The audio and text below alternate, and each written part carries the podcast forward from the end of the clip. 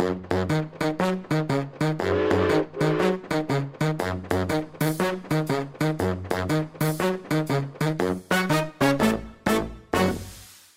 lytter, og velkommen til en ny episode av eh, Ekspedert. En podkast fra Narvik museum. Vi har kommet til eh, femte del i den spennende historien om eh, krigen i eh, fjellene rundt Narvik. Kamphandlingen, er det som nå kalles for slaget om eh, Narvik.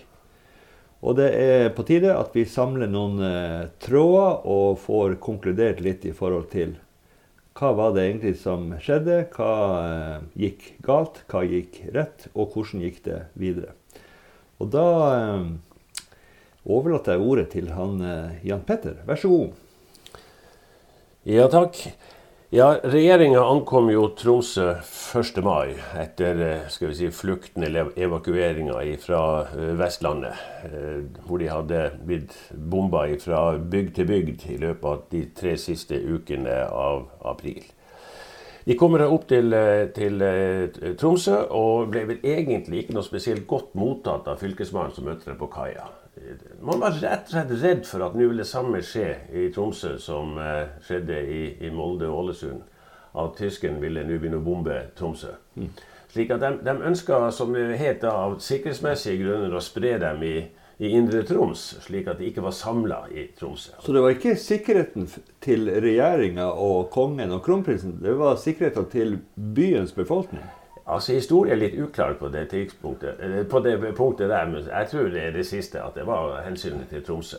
For det, for det står rett og slett at de var ikke helt uh, velkommen da de kom til, til Tromsø. Det... Tror du at de følte litt på det der, at de uh, kom til noe som Altså, de var jo egentlig landets øverste myndighet. Ja, De var jo det, men, men, det er klart at det hadde vært en enorm påkjenning det de hadde vært utsatt for. For det, det, det er klart De var jo under konstante bombing og, og trussel i, i, i, tre uker. og det er klart det setter sitt preg. slik at Når de nå kom og ble spredd fra noen på Storsteinnes og, og, og, andre plasser i Indre Troms, så kom de til et fristed hvor de kunne hvile ut. Ja. Uh, Nygaardsvold sa jo det i sine memoarer at de første 14 dagene av, av mai så fungerte faktisk ikke regjeringa. De bare tok seg igjen? Ja, de tok seg igjen. Og, og, og, og for så vidt av eh, flere grunner. Han, han sjøl var vel egentlig psykisk syk. Han var vel mest utslitt. Mm. Så han hadde behov for det. Men han sa jo den fungerte ikke, for det var også en dårlig kommunikasjon. Det var jo vårløsning på, på veiene. Ja. så det, det, var jo det ene. Og så var det jo selvfølgelig dårlig å si, telekommunikasjon ja. også der. Så for vi som er vokst opp på, på bygda etter krigen, vet jo at det var jo flere gårder og hus på, på ei linje. Det var liksom bare forskjellige lengder på ringetonen som avslørte hvilken hus som skulle ta telefonen. Så, så, det er klart da skulle du ringe til statsministeren eller til noen andre, så, så, så det er klart det var lytta på linja, slik at han sa jo at det, det fungerte jo ikke i det hele tatt. Så eh, på et eller annet tidspunkt så skjønte det han måtte eh, gjøre, så da var det de beslutta å, eh, å samle seg i, i Tromsø den, den, 16. eller den 15. mai. Da, og den 16. hadde de første for, som foreløpig statsråd, forberedende statsråd i, ja. i, Tromsø. Og så inntok de da bispegården og var der da fra og med den, den datoen der da, og, og resten av, av, av tida. Eh, Tromsø hadde jo eh, en veldig sterk radiosender. Ja. Eh, som eh, regjeringa eh, måtte ha sett bruke. For nå kunne de for første gang snakke til sin befolkning. Ja. Det, det, det, er klart at de, de kunne det. Og det, det, var jo også den, den, den, kraftige eh, talen, talen ned av budskapet som ble sendt ut 17. mai. Ja. Hvor både statsminister og konge og, og statsminister og eh, ikke minst sjef på sjetterevisjonen eh, holdt det tale. Eh, så, så, så, det er klart, da fikk de eh, da fikk de befolkninga i tale på en måte. Og det var vel da også han Nordahl Grieg eh, kom med diktet sitt? Ja, det, det, det, var det. det, var det. han hadde jo flykta nordover sammen med gullbeholdninga. Ja, han hadde det. Så eh, i denne perioden her, eh, for så vidt både de 14 dagene før de samles i Tromsø, og for så vidt resten av tida i Tromsø, så, så holdt regjeringa, byråkrati byråkratiet, de hadde jo med seg ganske mange sivile altså, i byråkratiet. Departementene var jo på mange måter operative. Mm. Men, men, men, de sier jo litt sånn sarkastisk at søringene holdt sammen. de, de menger seg ikke med, med, med nordlendingene. Slik at, eh, så kom da Forsvarets overkommando den 3. mai. Og, og, Ruge han eh, etablerte seg jo bare noen få mil fra kongen. Når kongen kom, så ble han eh, etablert i, i, i hytta til, til, oppe ved et, et, et Tangen, altså på, på grensa til, til Øverbygd. Riktignok i Balsfjord kommune. Ganske langt opp i Målselv? Ja, helt opp i, i Målselv. det var vel egentlig Øverbygd som var det nærmeste tettstedet der. Men han var jo nede ved Rundhaug, eh, og der var jo eh, for så vidt eh, den stedfortredende 6. divisjonen også, men også Forsvarets overkommando etablerte seg samtidig der. Så det var en ganske sterk konsentrasjon der. Og det er helt åpenbart at Ruge han etablerte seg ja, Jeg har aldri funnet noen begrunnelse hvorfor de etablerte seg der. Av alle steder hvor han ikke burde ha vært, så var det vel omtrent i Indre Troms. Mm. For det han gjorde, det var jo egentlig da å opprette et, et, et fjerde kommandoledd. Altså 6. divisjonens stedfortredende kommando. altså den som sto for den sivile kontakten og den uh, forvaltningsmessige delen, de var jo på Rundhaug og hadde, hadde jo vært der. Uh, Sjøl var Fleischer og den operative kommandoen nede i Lavangen. Så divisjonen var jo da delt på de to plassene. Og så hadde vi den allierte kommandoen som hadde etablert seg i Harstad. Ja. Og så kommer da de norske overkommandoene for, for, for, for sikkerhets skyld etablere seg midt i Målselvdalen på en fjerdeplass. Det er et ordtak som heter 'jo flere kokker'. Ja, Det er bare rett å si det rett ut. altså. Av, av alle steder hvor han ikke burde ha vært, så var det i hvert fall det, det antagelig det beste. altså, for å si det rett ut. altså. Enten skulle han jo selvfølgelig ha vært i nærheten av Fleischer, ja. nede i, i Lavangen, eller i nærheten av de allierte i, i Harstad-området. som den måten har fått en bedre eh, koordinering og, og kontroll på situasjonen. Så overkommandoen de kom egentlig nordover uten en hær? De kom, ja definitivt. De kom bare snipp og snau med noen eh, Det var vel en 30-40-talls eh, personer ja. Eh, pluss dagen og etablerte seg der oppe da. Og, og, og, og lå på været da de, de, de, de første dagene. slik at eh, Første kontakten mellom eh, general Ruge og Fleischer det var den 6. mai. Han kom opp den 3., så tre dager senere reiser han til Harstad og skal treffe lord Cork. Det er det første han gjør. Men lord Cork var ikke der. Han var syk. Så han fikk jo bare treffe general McKessie, altså sjefen for landstridskrefter. Mm. Og det var ikke noe vellykket møte. Nei. Og så står det altså på tilbaketuren Og da, da han McKessie etterpå skrev at uh, det der var en luring? Ja, sannsynligvis må det vært da. for de, de, Jeg vet ikke om de møttes senere. Jeg er litt usikker. For det var jo et møte mellom Fleischer, Ruge og lord Cork den 16. mai. Men om, om, om McKessie var Nei, det, det, kan jeg unnskylde. Han var ikke der, selvfølgelig. Det var han fratrådt. Så, så, det var det eneste møtet de, de hadde den, den sjette. Men det rare er jo at Ruge kommer til Nord-Norge, etablerer seg i et, et ingenmannsland der han var. Drar til Harstad, til, til, eh, til din allierte sjefen, uten å kontakte sin egen eh, si, stedfortredende sjef, general Fleischer og 6. divisjon, som hadde kjempa i, i en måned. Vi ville ikke ha gjort det sånn. Altså, det, det, det, det er jo, jo eh, sivilt som militær eh, skikk og bruk, for å si det brutalt. Altså, jeg kunne godt bruke militære termer på det også. Du gjør jo bare ikke det. Nei, for det er jo på en måte å stikke din egen underordna i ryggen med å, å, gå forbi uten å spørre liksom, hva er situasjonen? Det er jo ikke noe tvil om det, at det, at det, at det er en underkjennelse av, av, av Fleiser fra, fra, dag én. Ja. I forhold til det. Så på tilbaketuren møtte han innom Lavangen, og da har de det møtet. Så, og, det, og, det, og, versjonen av dette møtet må jeg også være så ærlig å si det, at det eneste versjonen vi har av dette møtet, det er i den boka som, som, som Ruger, Ruge, etterkommerne til Ruge ga ut i 1968. Mm. Der står det jo at, at han og, og der er en rekke historikere gjentatt dette her, nemlig at Fleischer ga uttrykk for litt misbilligelse, og at overkommandoen var kommet nå, for du fikk ikke han være sjef alene. Hvor har vi det ifra? Annet enn bare Ruge, som kommer med den og sår også tvil om Fleischers si, habilitet og, og, og, integritet, ikke minst, i forhold til et sånt utsagn. Men det som er viktig, det var det at de to ble enige om rolledeling mellom Forsvarets overkommando og 6. divisjon. Mm. Og at da skulle overkommandoen drive med de mer overordna tingene i forhold til de allierte. De skulle sørge for uh, kontakten med, med, med, England, altså få, få ny, ny væpning med mer våpen, for de var i ferd med å rønne ut av ammunisjon. Og, og, holde den der, og kontakt med regjeringa, ja. altså den, den, biten der. Og så skulle altså Fleischer da ha det operative på krigsskueplassen. Ja. Og dette ble bekrefta i et brev av oberst Berg, som også som en følge av møtet ble, ble, ble overført til 6. divisjon og ble brigadesjef. For Fleis ville gjerne ha en litt yngre brigadesjef enn en oberst Løken, som, ja. som, kanskje skulle da uh, forfremmes til å, overta som stedfortredende divisjonssjef fordi at han hadde blitt syk. Han som var der da. Det var jo en kabal de la. Og så fikk jeg også en del andre offiserer som var overtallige. Men, men, men denne rolledelinga ble bekrefta skriftlig Eh, noen dager seinere. Eh, til, til, til, Slik at det, det, rare er jo det at når så dette møtet den 16. med, med, med lord Cork, da er det jo at, at Ruge over bordet legger frem en, en omorganisering av hele Forsvaret og, og hærledelsen. Eh, på verst tenkelig tidspunkt? På verst tenkelig tidspunkt. Og det får han over bordet. Og Fleischer visste ingenting. Og det er altså ti dager etter at de hadde hatt møte hvor det ble enige om rolledeling. Krigen går på sitt beste. Ja. Det bare noen dager til Narvik skulle tas. Det var faktisk planlagt den 21., altså bare ja. fem dager etterpå. Ja. Og, og, og, man visste at man ville ha en, en, pause, nødvendig pause når Narvik var tatt, fordi at de norske styrkene måtte omvendes. Eh, fordi de, de, de, de, hadde ikke ammunisjon nok til å fortsette. Slik at, det, det, som jeg sier, altså, det er ikke til å forstå. Nei. Det er rett og slett ikke til å forstå det, det utspillet som kommer der. Det, det er jo et kupplignende eh, utspill. Og så Samtidig som, som, de sitter i Harstad og får vite dette, så fortelles det at regjeringa har forberedt statsråd i Tromsø og vedtar dette her. Fordi at den 18. mai, så dagen etter, to dager etterpå, så skulle det være statsråd i Tromsø. Og da skulle dette klubbes endelig. Så Fleischer får det over bordet i Harstad, mens eh, regjeringa allerede kjenner til det? Yes, de sitter og, og gjør det.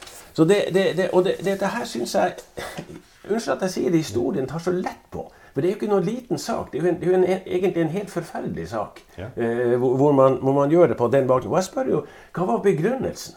Og da er det at en del historikere tar så veldig lett på dette og sier at de allierte hadde krevd det.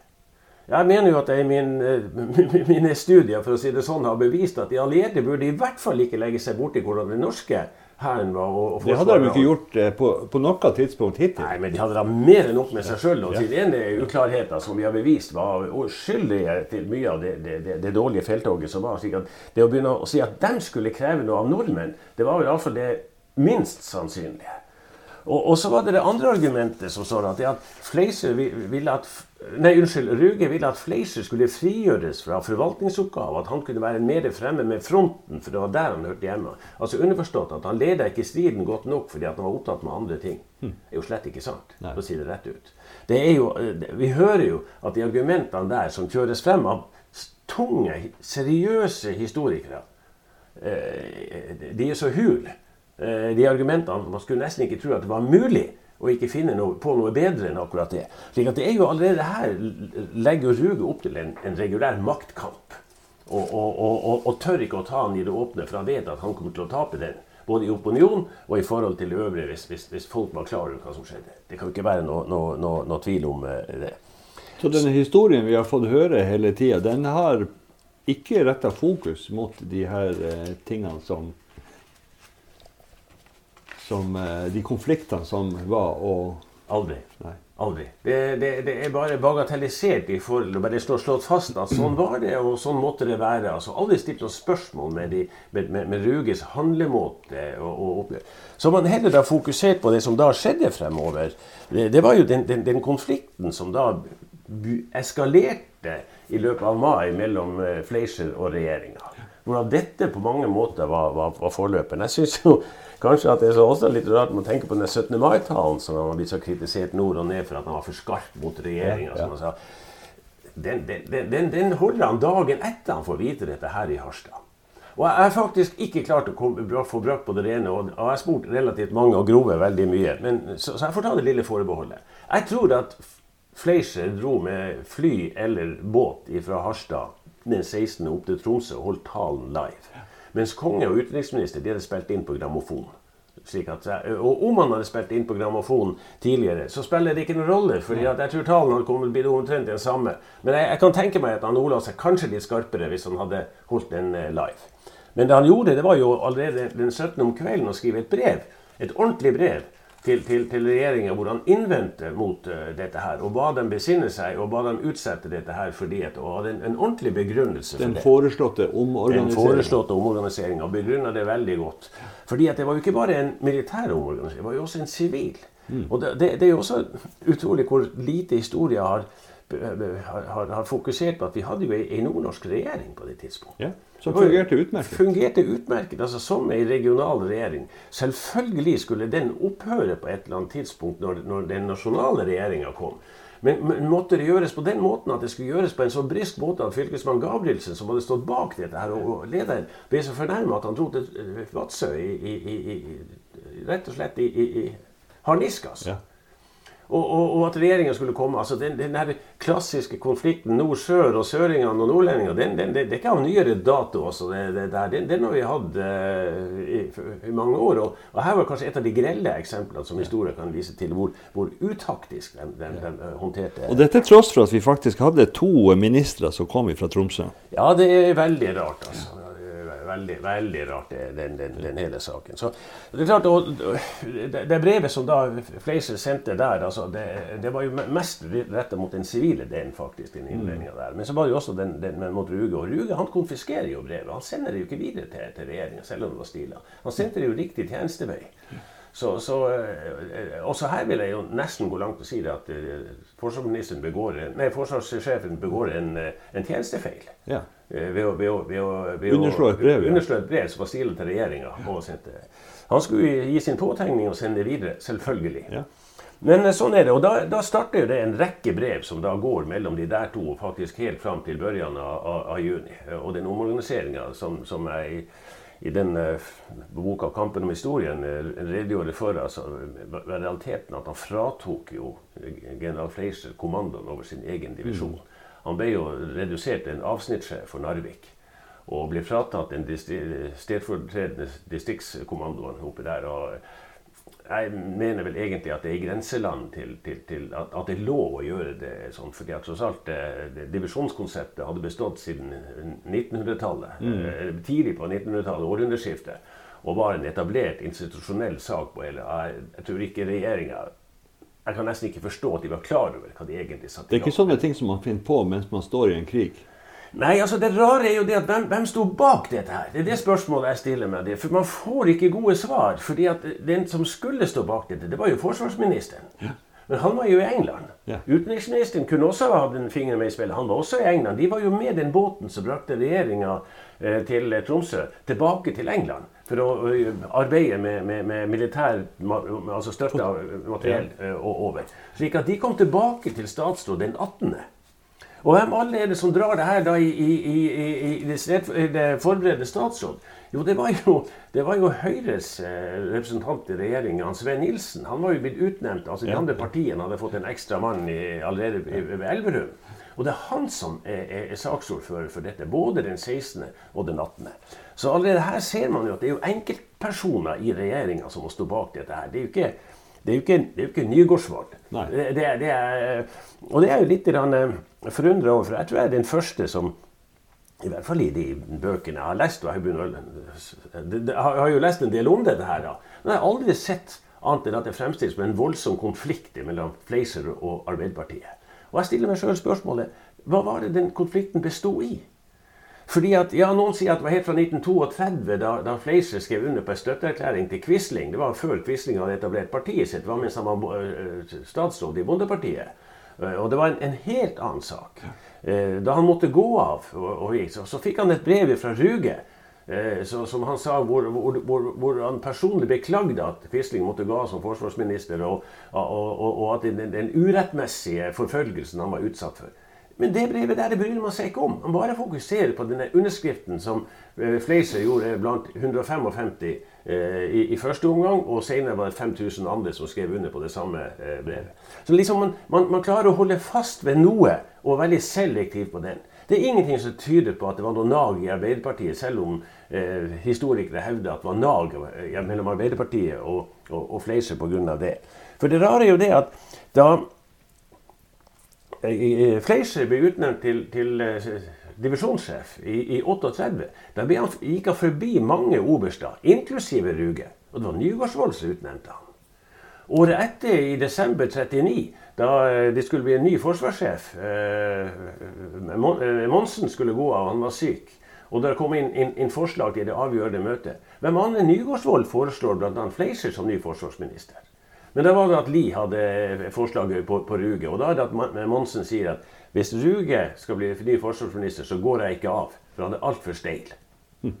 Så, det, så allerede her kan vi jo se at, at Fleischer og, og, og, og Nygaardsvall må jo ha hatt et godt forhold. Ja, Begge var jo trøndere. Ja, begge var jo trøndere. Og, og det rare det, og det er også forsvunnet i, i, når man skal oppsummere dette her Hvis du tar mer enn 17. mai-talen, så kritiserte han jo nøkternt sett ikke regjeringa i det hele tatt. Nei, han, sa forsvarspolitikken. Var, han sa myndighetene, sa han, ja. og forsvarspolitikken. Men hvem sto bak forsvarspolitikken? Eh, og det, det, var jo Stortinget som hadde bevilga uh, manglende penger da, til Forsvaret på, på, på hele 30-tallet. Og fra 1935 så var det jo Bondepartiet og Venstre som utgjorde et flertall i Stortinget sammen med Arbeiderpartiet. Ja. Så det var jo ikke noe sak for Arbeiderpartiet alene, det her. Nei. Og han sier jo ikke det heller, han sier jo myndighetene. Og det var jo helt rett at å kritisere myndighetene på, på det. Men så er det det at da 5. Eh, så var det kongen. Det var vel for så vidt eh, tatt opp tidligere av, stortingspresidenten Hambro at man burde utvide regjeringa i tilfelle man måtte over til, til, eh, England. Og kongen tar det opp da med Nygaardsvold, som egentlig ikke likte det noe særlig, men han tok den opp eh, en, en gang i, i, et, i, et, i, i forberedende statsråd. 5. juni, det var tre slike den, den femte. Og da er det Nygaardsvold som på nytt foreslår Fleischer som statsråd.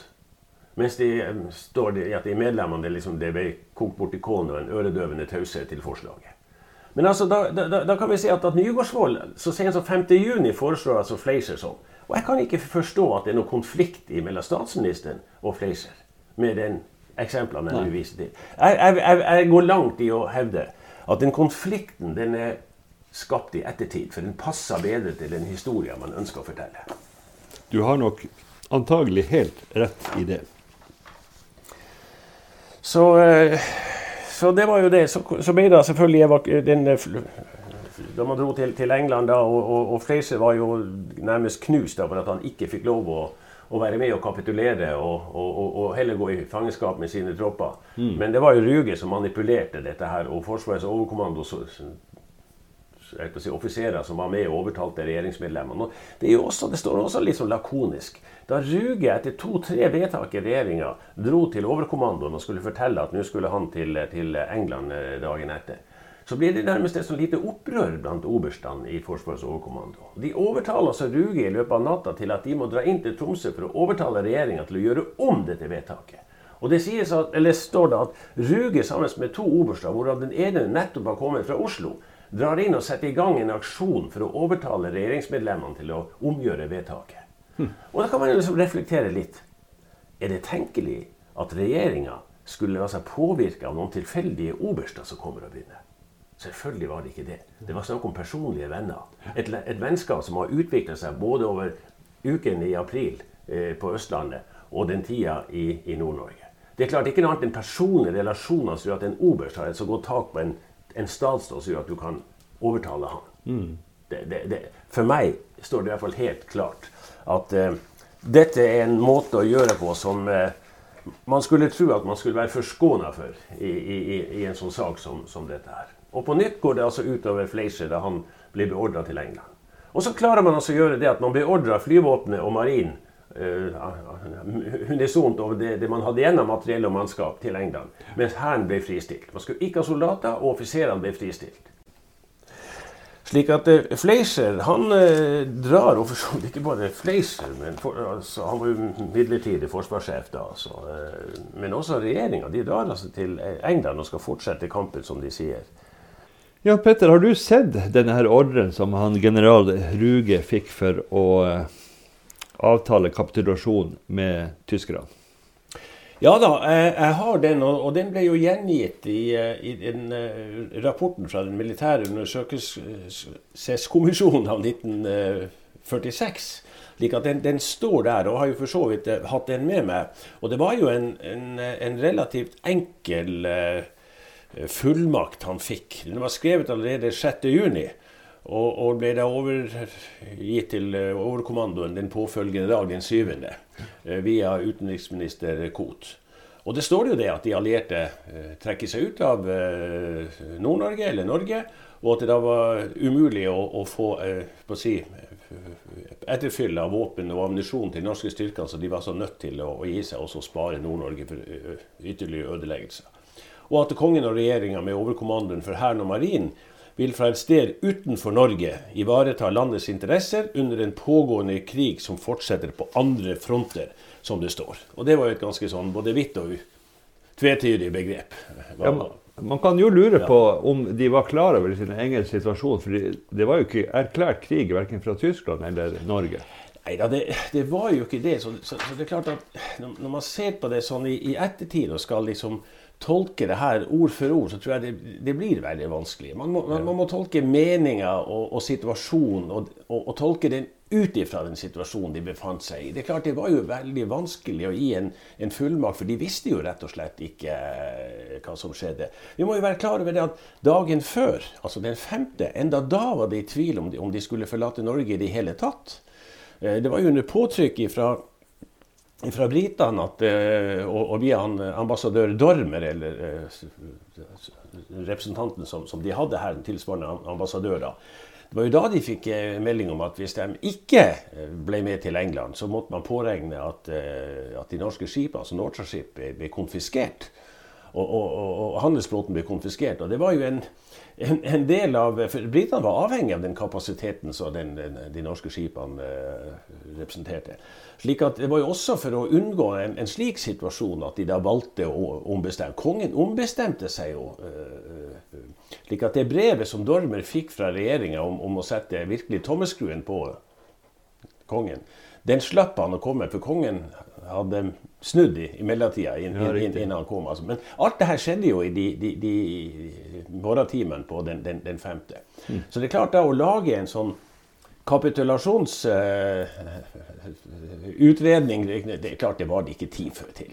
Slik at det, det er tatt ganske på som kort varsel å lage denne fullmakten. Så man, man må, syns jeg, se det litt uh, romslig, for ja. å si det sånn. Men på den annen side, vet vi noen ting om hva tyskerne syntes om Eh, at man på den ene sida kapitulerte, dvs. Si la ned våpnene og overga landet, mens man på den andre sida tar med seg både flyvåpen og marine og handelsflåten for å fortsette krigen en annen plass? Det er jo det, er jo det her som, som blir tolkning av, av, av selve kapitulasjonsavtalene. For uh, Ruge sendte jo da telegram til Tyskland via eh, svenska eh, Stockholm da, og, og, ba om våpenhvile. Og Den ble jo da, trådte jo i kraft, eh, og, og, og de, tyskerne svarte da med at det, den tiende skulle jeg møtes på Bjørnfjell om, om morgenen med en, en, offiser med fullmakt til å inngå en, en kapitulasjonsavtale der oppe.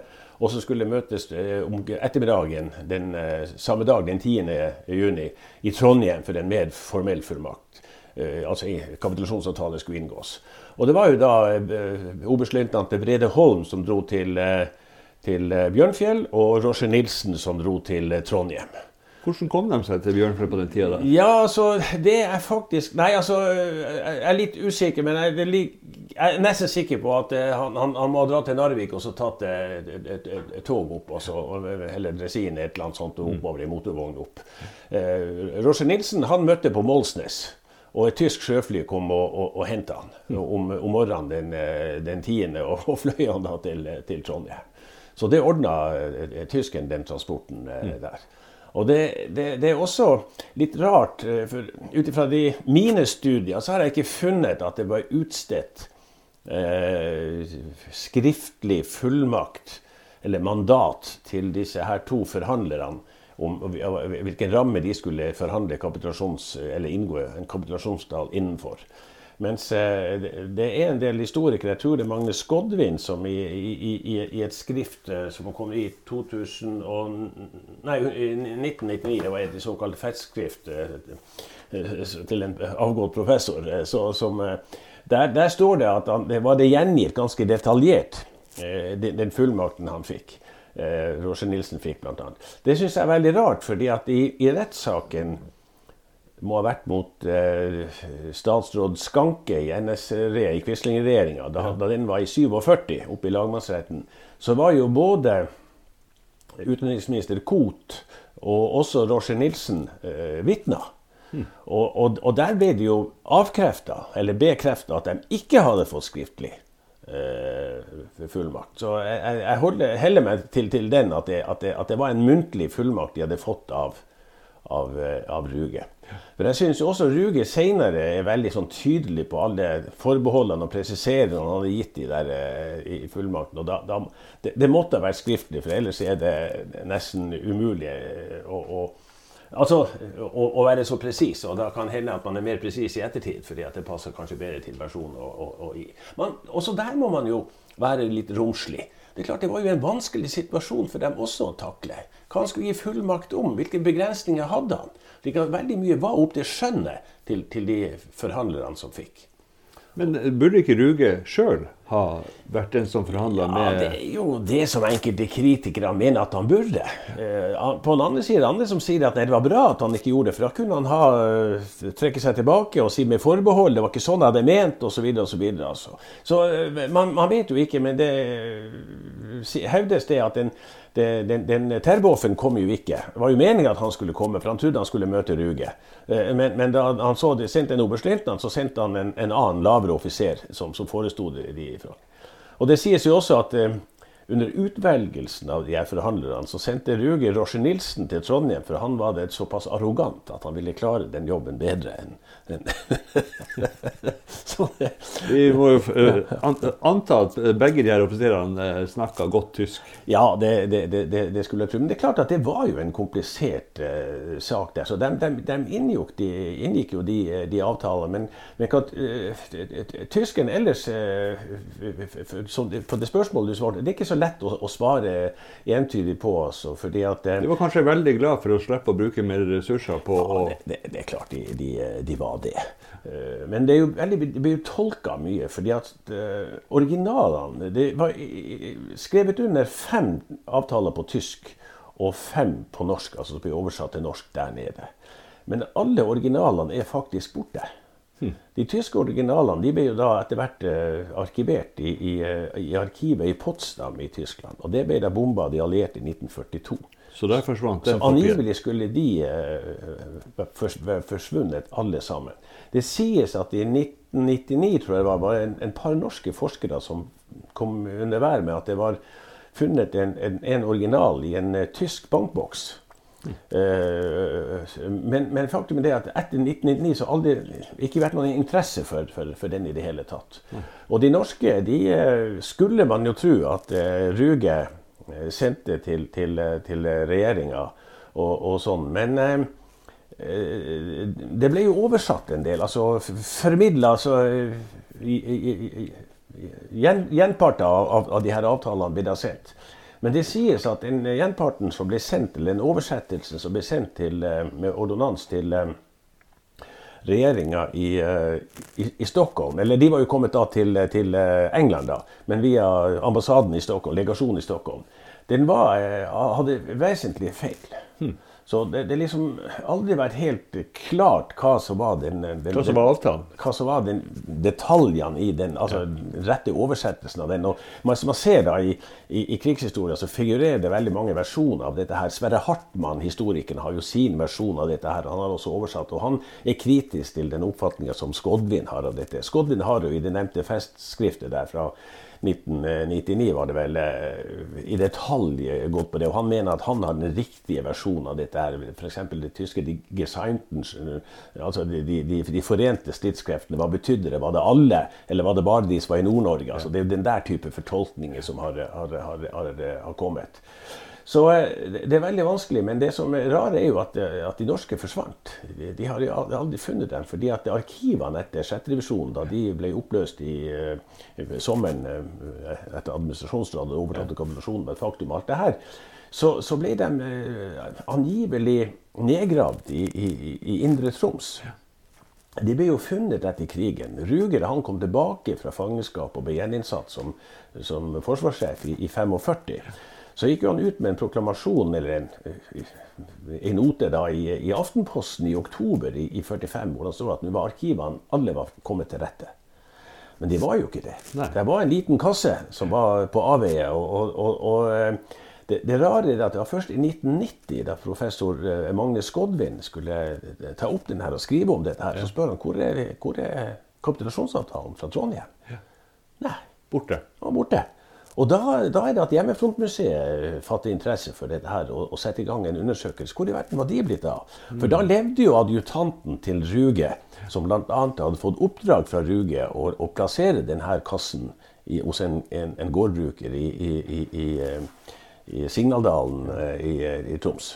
Men kan det være innhold i denne avtalen som ja, i ettertid ville virke sjenerende for noen? Ja, altså det, det, er jo det man spekulerer i. Det, det, er klart at det var det. For arkiv skal jo ikke forsvinne på, på den uh, måten der. Og, og, det er helt åpenbart at det også var det en oberst som uh, eh, dukka opp med fullmakt altså det der, uka etter at Ruge var kommet tilbake i, i juli.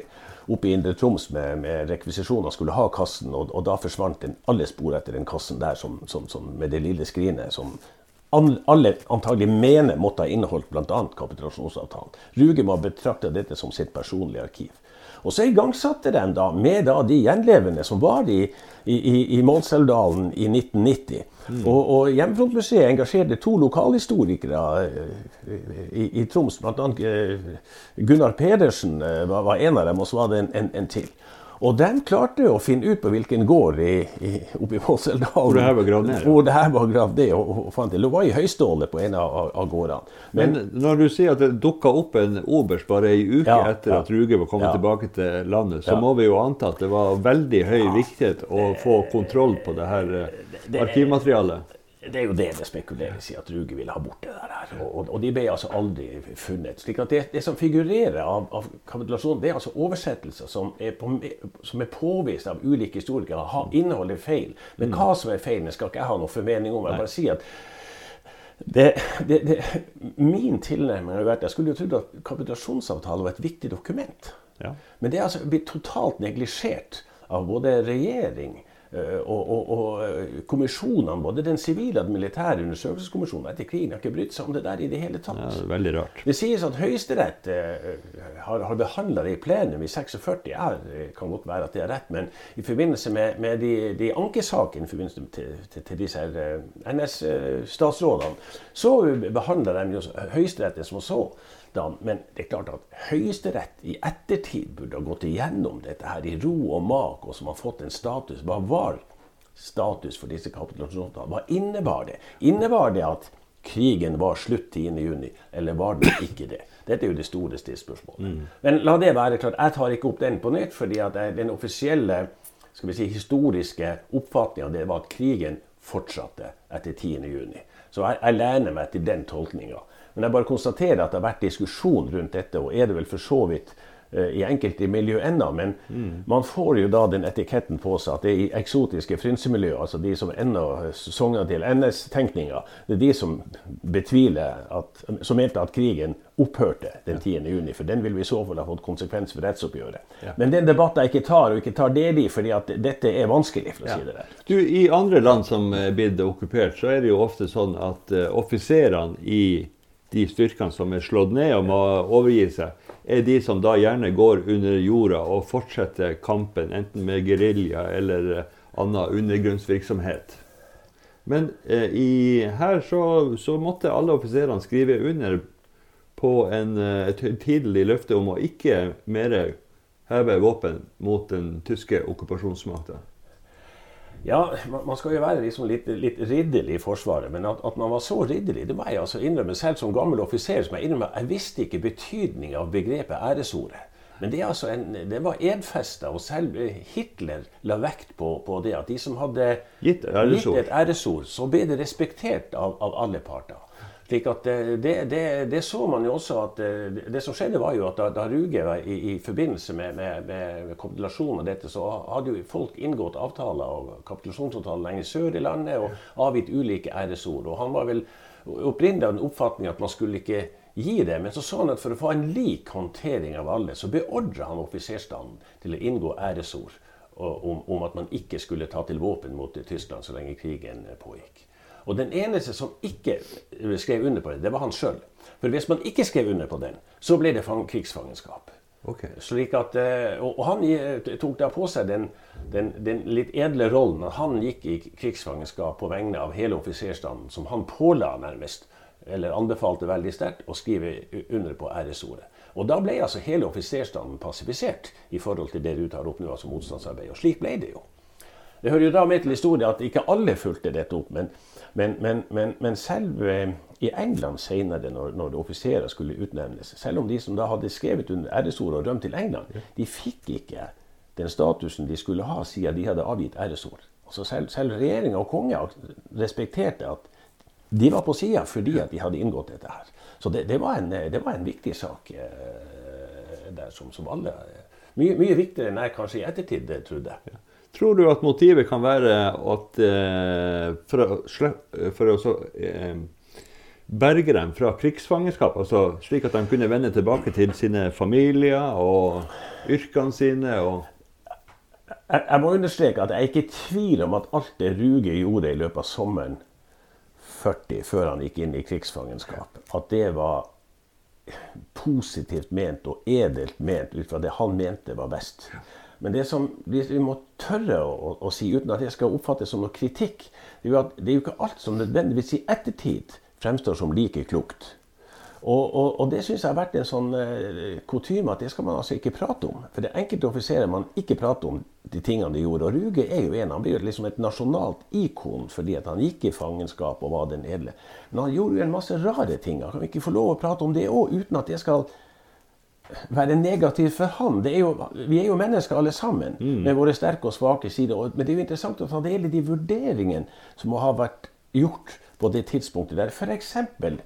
når han gikk lenger enn fullmakten han hadde fått fra regjeringa, og ba Roger Nilsen om å få inn i avtalen i Trondheim om at eh, de norske avdelingene i Øst-Finnmark, det var to bataljoner og en artilleribatteri, de skulle ikke avvæpnes. Men de skulle passe grensa mot øst, altså mot Finland, Sovjet, på, på det tidspunktet der. Fordi at Ruge hadde jo en, som veldig mange offiserer hadde også den gang en, en iboende russefrykt ja. når man så hva de hadde gjort i, i, i, Finland. Og det var jo et maktvakuum kan du si, mellom Narvik-fronten og Øst-Finnmark. Hvor, hvor, det ikke var tyskere. Og tyskerne hadde ikke kapasitet til å besette den umiddelbart. Men, men samtidig så hadde jo tyskerne da en ikke-angrepspakt med eh, Sovjet. slik at sannsynligheten for at Sovjet ville angripe Finnmark mens tyskerne holdt på å ta resten av Norge, er vel liten. Den, Den, er jo veldig liten. slik at Det, det, det er nå snakk om nå, det er et, et, en av de merkeligste kapitlene i norsk krigshistorie. Nemlig den at mens du samtidig eh, som forsvarssjef får fullmakt til å inngå en kapitulasjon, så inngår du en avtale med fienden om at de norske styrkene skulle få være under Og, i avtalen i Trondheim så ble det skulle være under norsk kommando ja. inntil tyskeren kom. Men så drar de da fra eh, Trondheim nordover. Eh, både han, eh, den, den, den tyske forhandlingsledelsen og Roger Nilsen. Kommer de til Narvik dagen etter med fly. Og da ligger der en, en om, om, det, om, det, er Telex eller Telefax, eller hva det skal man si, altså, men var, de var jo vel Telefax var oppfunnet på det tidspunktet. Men det lå i hvert fall da en, en, en, en teleskrivelse fra Hitler som sa at han godtok ikke at det skulle være under norsk kommando, de to bataljonene. skulle være under tysk kommando. Så ble da dette forelagt, eh, forelagt eh, Ruge, som sier nei. Han godtar ikke at norske styrker skulle være under tysk kommando. Og da er det at han kommer med dette finurlige kompromisset sitt. Han sier at det skal være under norsk kommando, men de skal ta ordren fra fylkesmann Gabrielsen, han som hadde leda Nord-Norge-administrasjonen og dra tilbake til Finnmark og, og, som fylkesmann. Og han skulle ta ordrene fra den tyske sendemannen. Okay. Slik at i realiteten så ble altså den sivile fylkesmannen et mellomledd mellom de norske væpna styrkene og den tyske okkupasjonsmakten. Ja. Eh, og så ble det nedgradert fra å være militære til grensepolititropper. Det er jo bare et fiktivt navn. Altså. Men skreller man bort all retorikk og, og, og finurligheter, så var altså det inngått avtale om at nordmenn skulle stille med to bataljoner og passe grensa på vegne av okkupanten. Det er jo ganske utrolig. Ja, Det, det, det er ikke til å forstå, for å si det rett ut. Og, og spesielt at ikke dette er en sak som er løfta frem. og og kunne fått Ruge etter krigen til å begrunne det. Og, og, og, for jeg skjønner jo dilemmaet. Men samtidig som man da ser på hva som skjedde da samtidig i, nasjonalt i denne perioden, så må man jo forstå usikkerheten, eh, alle de ubesvarte spørsmålene. Vi må jo ikke glemme at på dette tidspunktet så var administrasjonsrådet, som da var, var innsatt eh, i, i, sør for å ivareta den sivile administrasjonen i, i, i, sør, de var jo i full gang med å, med å, med å inngå avtalen med tyskerne om, om, om, å gå inn for å avsette kongen og, og, og regjeringa. Mm. Og det samme var jo Stortingets presidentskap. Det samme var Høyesterett. Hm. Og vi var jo langt på vei i ferd med å samle Stortinget for å, for å, for å avsette kongen og, og, og, og regjeringa. Og, og, dette skjer jo i en periode da, da, da det er et maktvakuum. Man vet ikke hva, hva den, egentlig den reelle makta til regjeringa i London betyr. Man har ikke fått satt seg, for å si det sånn. Altså. Det var ikke kommet noen organisert motstand. Så det er klart at det, det er i denne perioden vi også må forstå Ruges handlemåte. Det var usikkert hva som egentlig var situasjonen, og hvordan man mm. skulle håndtere For alle var jo opptatt av én ting, og det var jo å ivareta de norske interessene på en best mulig måte. Det må ikke være noe tvil om det. altså. Nei. Men det rare er jo at ikke eh, altså Oppi dette her så forsvinner altså arkivene. Eh, Lindbekk Larsen, som, som, som da fikk, eh, ble utnevnt etter kapitulasjonen til å være stabssjef, ikke for Fleischer, for han var borte, ja. men for, for, men, men for um, fylkesmann Gabrielsen. Så han ble altså stabssjefen hans. Og han, han, var jo aktiv i, i den her, og hadde fått ordre av Ruge hvordan det her skulle organiseres. Det var, altså den her, den her Saken oppe i Øst-Finnmark gikk jo videre. Det var jo egentlig en, en, en militær rekruttskole og befalsskole han skulle etablere. Ruge hadde jo noen ideer helt fram til 19, altså varte straks fram til 1942, hvor han skulle bygge opp en norsk hær gjennom den der grensestyrken som skulle være en slags rekruttskole for, for, for, for, dette her. Så, så han, han, hadde noen visjoner som nesten ikke var til å forstå i, i, i dag. Da. Og det her prøvde jo da eh, Lindbekk Larsen å, å, å, å, gjennomføre, og det samme med eh, Gabrielsen. Jo, så på den ene sida så kapitulerer du, og på den ja. andre sida så prøver du å bygge opp en ny hær? Ja, ja, altså, og de var jo i administrasjonsrådet for å få det her godkjent. og Selv der rista de jo på hodet til det der. Og så var det at Terboven ble lei og skar igjennom og, og avvikla det. Og så ble jo han arrestert, han Lindenberg Larsen. Og unnskyld at jeg sier det, det er nesten forståelig. for det er klart, det, Dette fremsto veldig rart for, for alle partene. Så det, det, jeg syns det er en del av krigshistorien, det nære Det hører jo med til krigshistorie, selv om krigen da var, var over eh, hjemme eh, og man fortsatte ute, så, så, burde jo dette vært en sak som var diskutert i 45, men ble totalt lagt lokk på dette her. Mm. Det var faktisk først i 1970, da Sverre Hartmann eh, han hadde jo begynt i 52 å, å offentliggjøre noe om det, men det fikk ikke noe oppmerksomhet. Men i 1970, da han gikk ut med en artikkelserie i, i ukebladet Aktuell, som, mm. som vi, husker, vi, vi gamlinger husker på, på 1970, da ble det et ramaskrik rundt det her. Så det, det, det, de her tingene syns jeg er ganske artig å ha med seg når man skal prøve å forstå handlemåten til en, en, en del, enten man er kritisk eller ikke. Ja. Men nå er vi altså Kamphandlingen i Norge avsluttes eh, ja. den 10. juni. De har vel egentlig avslutta kvelden før. Ja, ja. Eh, og eh, vi ser at eh, Norge har betalt en relativt høy pris for det tyske angrepet. Der er flere byer som er totalt ødelagt og nedbrent. Namsos, Bodø, Ålesund, eh, Molde, Narvik. Ja. Og eh, Harstad har også hatt sine bombeangrep. Og man, eh, det er mange som har mista sine. Ja, ja. Og så lurer jeg på Var Norge en nyttig brikke i et kynisk stormaktsspill hvor på en måte ingen hadde interesse, eller noen hadde interesse av å utsette en eh, landjordkrig i Europa lengst mulig? Ja, da, da, er man jo tilbake til diskusjonen i Det allierte krigsrådet i, i 39. Mm, det er England og Frankrike England og Frankrike, ja. Og den perioden ifra de erklærte Tyskland krig 3.9. og til faktum at 9.4 opprant her i Norge, ja. så var det jo ingen stridshandlinger. Nei. Uh, og, og, og det ble jo kalt det phony war. Altså, liksom krigen. Liksom krigen og, og Moralen i de franske styrkene var veldig dårlig. Eh, de, de lå i Maginot-linja, de og, og, og, det, det, var mange tiltak som burde vært gjort, som ikke vært gjort. Selv om da England på sin side prøvde å, å ruste opp, så er det helt åpenbart at det gikk for sakte, og de skjønte ikke alvoret i, i, i det som lå foran dem, med måten de agerte på i dette her. Så det er klart at eh, det var, det var, nok ulike begrunnelser, slik som jeg oppfatter det, for eh, altså, motiv som franskmenn og britene hadde. Britene var veldig klar på dette. Churchill særlig, som var den eh, pådriveren i både i den eh, Chamberlain-regjeringa og i sin egen regjering med å få stoppa vanntilførselen fra Kiruna-Narvik til Tyskland. For det, det, den var en viktig brikke i, i dette her det var jo det å strupe Tyskland med råvarer. Altså strupe til råvaretilførselen til Tyskland. Og, og det er klart, det, den, den, var av livsviktig betydning for dem på det tidspunktet. Samtidig som de, må vi også huske at det gikk jo en del vann til England òg. Og de hadde sett seg veldig lei på at uh, den norske nøytraliteten tillot de tyske skipene å gå inn i norsk farvann og gå ned langs kysten og gå inn i mm. Skagerrak og lure seg ned. Altså, og, og, og, ikke kunne komme ut i rom sjø, slik at den britiske flåten kunne ta dem. Og, og så fikk vi senere Altmark-affæren, hvor, hvor, hvor, man tvang seg inn og fikk avdekket at den norske nøytraliteten var man ikke i stand til å håndtere. Og var vel egentlig ikke politisk villig til å gjøre det heller. Og da begynte jo den, altså 28. februar, og da begynte jo begge partene, både tyske og norske og, og, og britiske, å ruste opp for en, en konflikt. Man, man, mm. skjønte jo at den, den, den kom da.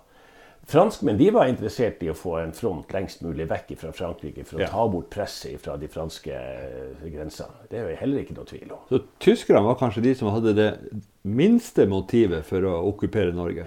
Ja, Det står flere plasser i, i flere bøker i flere kilder da, at uh, opprinnelig så, så, var eh, Hitler mest interessert i et nøytralt Skandinavia. Ja.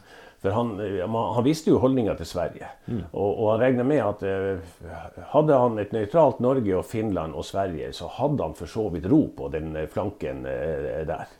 Så det er jo også litt ulike oppfatninger i, i, både i norsk, mellom norske og litt utenlandske historikere. slik som jeg leste at Nordmenn har en tendens til å si at det var Quislings møte med Eh, Hitler i, i, desember 1939. Eh, Han hadde to møter sammen med gråsadmiral Ræder, altså sjefen for undervannsbåtene som ville ha uh, baser på norskekysten, som ivra for at Tyskland skulle gå til angrep mot Norge, fordi at de mente at, at britene ville komme dem i forkjøpet hvis ikke.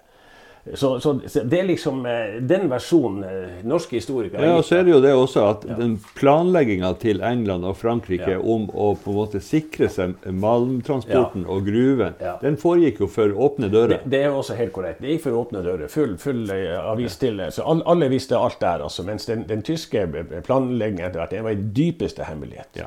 Så eh, Hitler begynte jo, han var nok ikke upåvirka av, av, av, Quislings eh, anbefalinger. Men han, han, begynte jo da som studier, eller Studio Nord, og, finne ut på hva, hva lå det i det her. Mm. Eh, og, da de passerte nyttår, så, så, tok han jo personlig kontroll eh, over den planlegginga der i dypeste hemmelighet. Men det sies, i hvert fall, i hvert fall de utenlandske bøkene som jeg har lest knytta til dette her, sies det at det var etter uh, Altmark-affæren at han endelig skjønte at det var bare én vei for dem å gå. Det var å å angripe Norge. Og da starta jo planleggingen for fullt. Mm. Og, og, det er jo da at spillet mens de allierte Man må, må jo være så ærlig og, og, og, si det som det var. De hadde jo en, en, plan om å sende 50 000 mann til Finland som ut, uh, unnsetningsstyrke til, til uh, Finland uh, i vinterkrigen mot Sovjet. Mm. og at de skulle gå inn i land i Narvik. De skulle ta kontroll over jernbanen helt ned til Luleå, og så skulle de over. Men poenget er at de skulle ikke over. De skulle stoppe i Luleå. Altså, det var ikke det som var motivet. Det var en, en, en Det var råvarene som var motivet? Det var råvarene som var motivet. Det var, og da fredsavtalen mellom Sovjet og Finland kom 13.3, så ble jo den muligheten ødelagt. Det ble jo kullkasta. Og de oppløste jo de styrkene de hadde klart det, og sendte dem til, til kontinentet. Altså til, alibiet forsvant. Alibiet forsvant. Men så skjønte de jo det at de, at de, måtte fortsette. Og da var det at, eh, at de her andre planene ble, eh, i, i mindre omfang ble eh, utvikla. Det var jo flere mm. planer. Og, og endte da opp med 18 000 mann som skulle besette tre punkter på kysten. Det var Narvik, Trondheim og Bergen. Og så skulle de da, da gå inn. Men Og så skulle de selvfølgelig i tillegg ha den eh, eh, minelegging av norske mm. farvann, som da opprinnelig var For å tvinge mannbåter ut i åpen, ja, åpen sjø? Det, det var jo det for å tvinge man, de tyske mannbåtene ut i åpen sjø, så skulle de bli konfiskert eller skutt av, ja. av den engelske marinen. Men så forventa de da at Tyskland gjorde en motreaksjon. Og når den motreaksjonen var kommet, da skulle den styrken på 18 000 mann, som da var forberedt og, og, og klar til å gå om bord, og så skulle, de skulle da gå i, i land og angripe Norge. Men det var etter den tyske motreaksjonen, slik at det var en sånn kjedereaksjon. Så er vi litt sånn, er vi litt, sånn litt ærlige, så kan man jo si at det var de allierte som provoserte frem dette. her. Det var jo det som var deres tanke. Mm. Om, om, det betyr at tyskerne ikke hadde kommet, det er jo ikke sikkert. Det at de hadde kommet likevel. Men sånn som historia ble spilt, så var det deres kyniske tanke om at de skulle minere farvannene. Tyskerne skulle komme med en reaksjon, og så skulle de angripes med en motreaksjon. på tyskerne. Tror du at vi kan risikere å havne i en sånn situasjon igjen?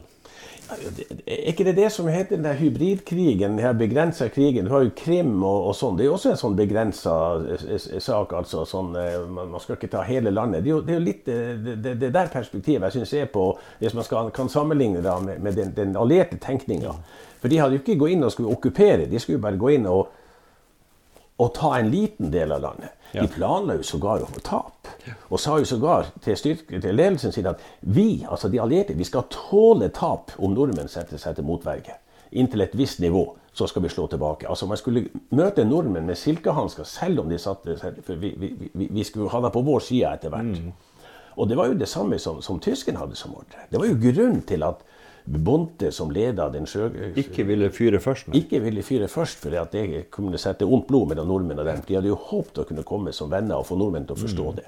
Slik at det, det, det, det, der spillet, det var jo på begge sider. Der, ja. der, der. Ja. Så eh, hva er vår beste strategi for å unngå at eh, 9.4 slår til igjen?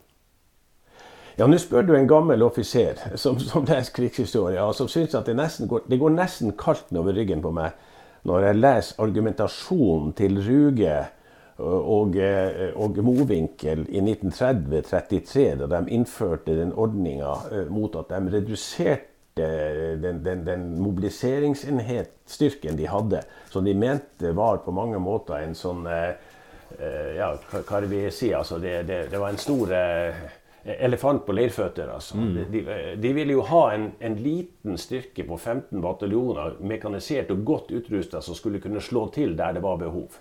Og Fleiser var jo dypt uenig. Mm. Han mente du måtte ha mobiliseringsstyrker altså på alle plasser i Norge. fordi en sånn styrke som Ruge ville ha, kunne ikke nå frem til de plassene hvor det var eh, Så han ville ha en større styrke, om han så var noe dårligere utstyrt, men det var en større mengde.